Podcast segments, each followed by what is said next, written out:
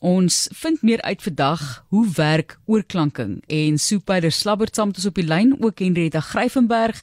Hulle is juis nou bymekaar besig met werk en Sue is tans 'n oorklankingsregisseur as ook stemkunstenaar, akteur, eintlik moes maar haar opleidingsveld gewees.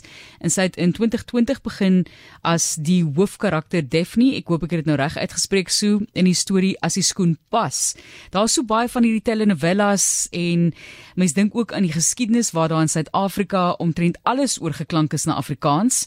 En sy het 'n lang lys hierso van werk wat sy doen maar dit is te danke aan Henrietta Gryvenberg dat sy op die ou end in die oorklank oorklankingswêreld beland het. Sy het dit daaraan bekend gestel. Baie welkom aan beide van julle. So so sê vir ons bietjie jy is nou al vir dis nou ons is nou op pad met 3 jaar maar jy is nou 2 jaar in hierdie bedryf.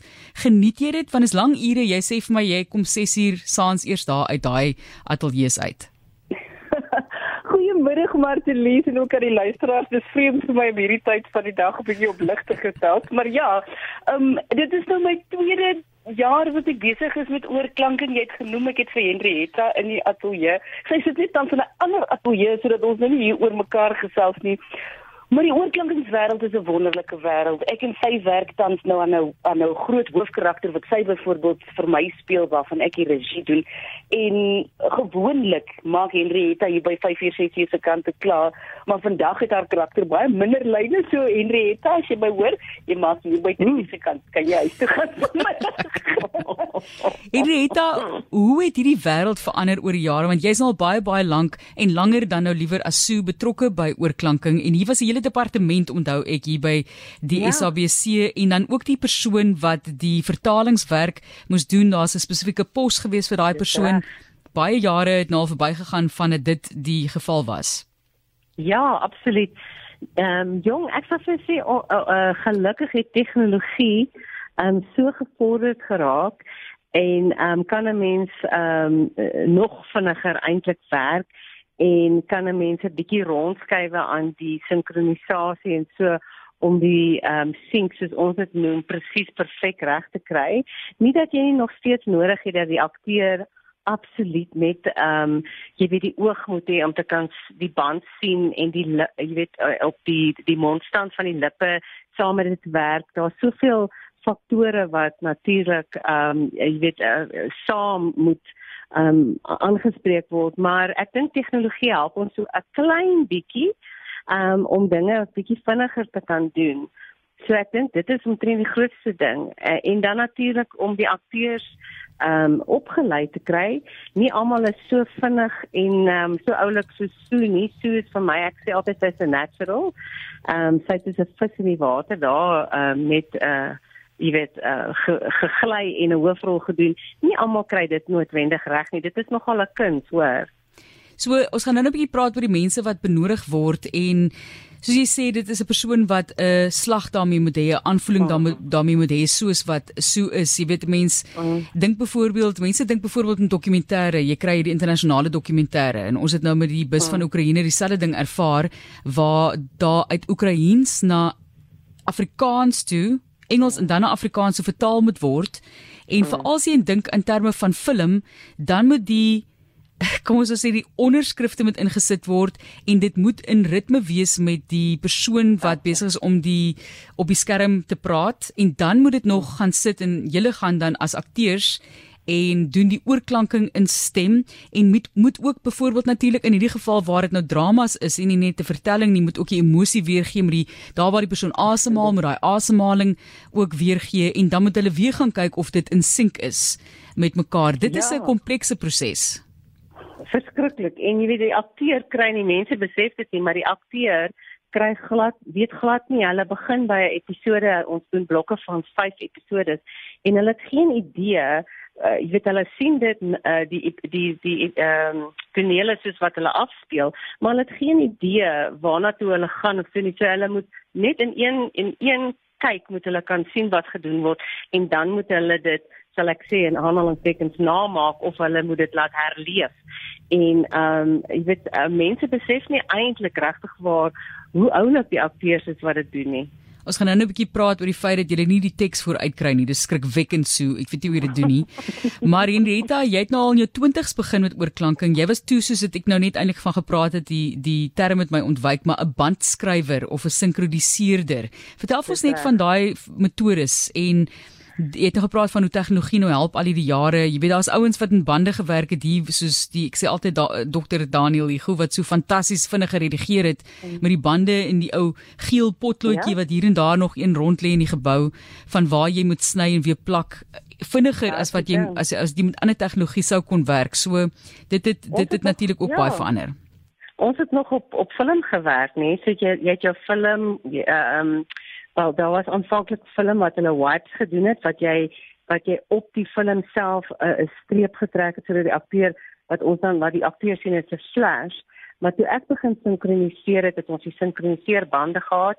Jy het jou Betacam gehad wat jy ingesit het wat natuurlik die video is en dan het jy fisiese band gehad soos ek sou sê dis 'n deurskynende band wat lyk soos 'n film, jy weet, en dan het jy hom saam met die beeld gesinkroniseer en ons het fisies geskryf op die bande.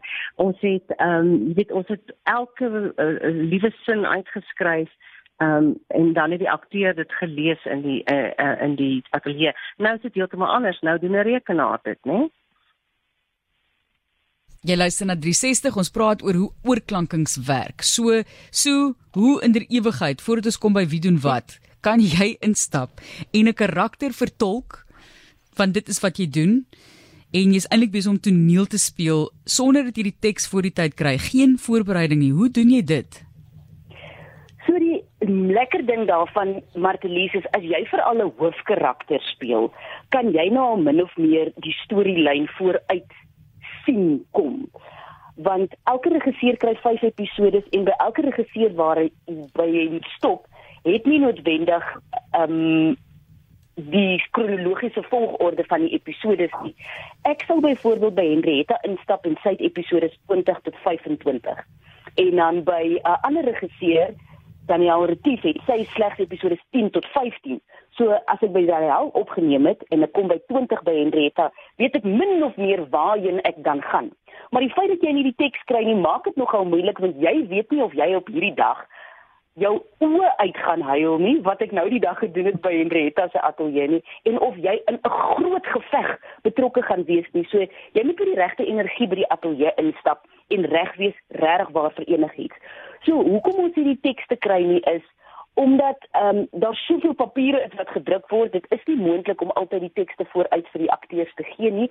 En dis lekker om sommer daar in die oomblik die tekste kan verander terwyl jy opneem bloot as gevolg van sinkronisering en die lip en mondstande. So as jy sien daardie persoon op die skerm se mond maak toe op 'n M klank en jou teks maak klaar op 'n oop vokale klank, dan kan jy dit daar in die oomblik dan verander deur te sê kom in plaas van gaan. Ehm um, of wat ook al die die scenario is wat jy dan moet speel. Dit is so. baie skrikwekkend ook as jy nuut is in die in die oorklankingswêreld om in te stap en jy staan daar, maar gelukkig het jy die geleentheid om dit 2, 3, 4 keer op te neem. Ehm um, sodat jy dan die regte ritme kan kry sodat jy die karakterisering korrek kan kry. Maar soos ek sê, ek het vir baie lank baie hoofkarakters ehm um, vertolk so dit help daarom want jy weet min of meer tikse stories is altyd so min of meer dieselfde. Jy weet dan min of meer vir 10 episode gaan jy met jou geliefde beklei en vir 10 episode gaan jy jou oë uithuil. Wat 'n emosionele eh, kwessie is dit nie vir 'n mens nie. Dis Superler Slabbert wat so gesels oor haar oorklankingswerk. Jy ken dan natuurlik ook hier op RSG op 'n wakker en al die dansery wat jy op die naweek ook saam met haar kan geniet. Maar Henriette Gryvenberg, vertel net vir ons die proses tans. Wie's almal betrokke? Wat moet alles gebeur vir mense om hierdie gunsteling programme te kan kyk waar dit oorgeklank is sodat hulle dit kan verstaan?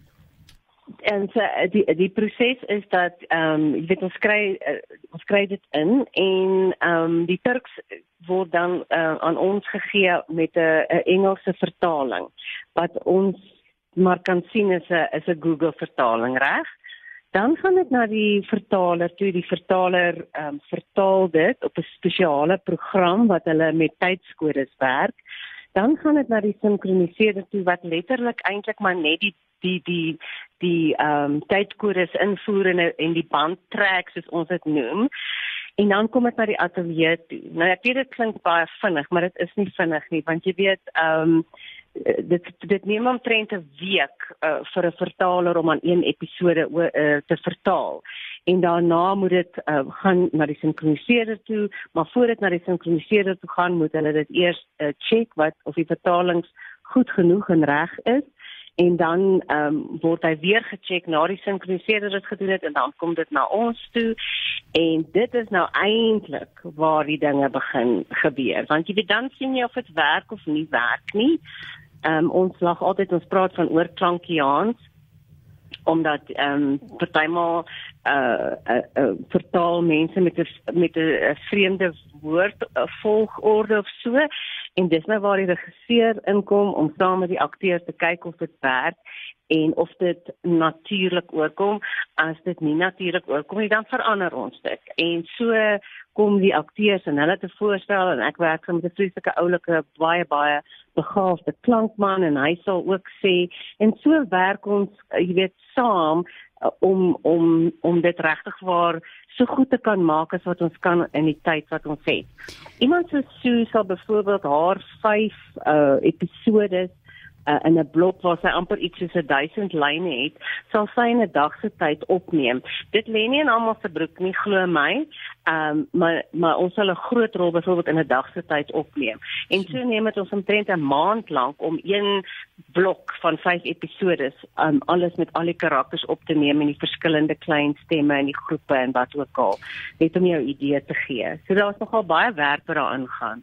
Dis fascinerend eintlik as jy dink ons het ook maar eintlik net van hierdie telenovelas geweet want dit was in Hollywood films tentoongestel. Ja. Ons het hiervan geweet nie. Dit is snaaks vir my dat dit nou in Suid-Afrika ook so groot oplewing gehad het en so gewild geraak het en Rita. En dit is oral so gewild. Ja. Dit is dit is wat is so wat wat so amazing is want dit is oral. Daar uh, jy kan nie glo sterk daai bedryf met wat hulle uh, stories oorgeklank word nie. Is dit die drama?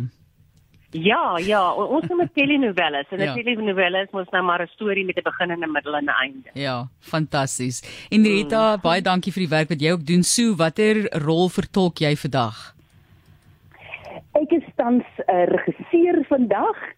ek was 2 dae gelede 'n speler, uh, maar ek is tans 'n regisseur en die lekker ding is ek doen regie vir een spesifieke kanaal op TV en Henrietta doen regie waar ek weer vir haar speel vir 'n ander kanaal op TV. En dis die lekker ding, dit bied regtig waar werk vir soveel akteurs op verskeie platforms. So vandag is ek in die regisseurstoel, Martlies. Nou maar toe baas, sê totsiens vir jou. Uh baie dankie vir die saamgesels. Dit dan Supile Slabbert en die legendariese wil ek eintlik sê Henrietta Gryfenberg wat met ons gesels het oor hoe oorklankings werk. Geniet jou telenovela en dit is hier in Suid-Afrika nou soos hulle gesê het net so gewild soos in die res van die wêreld.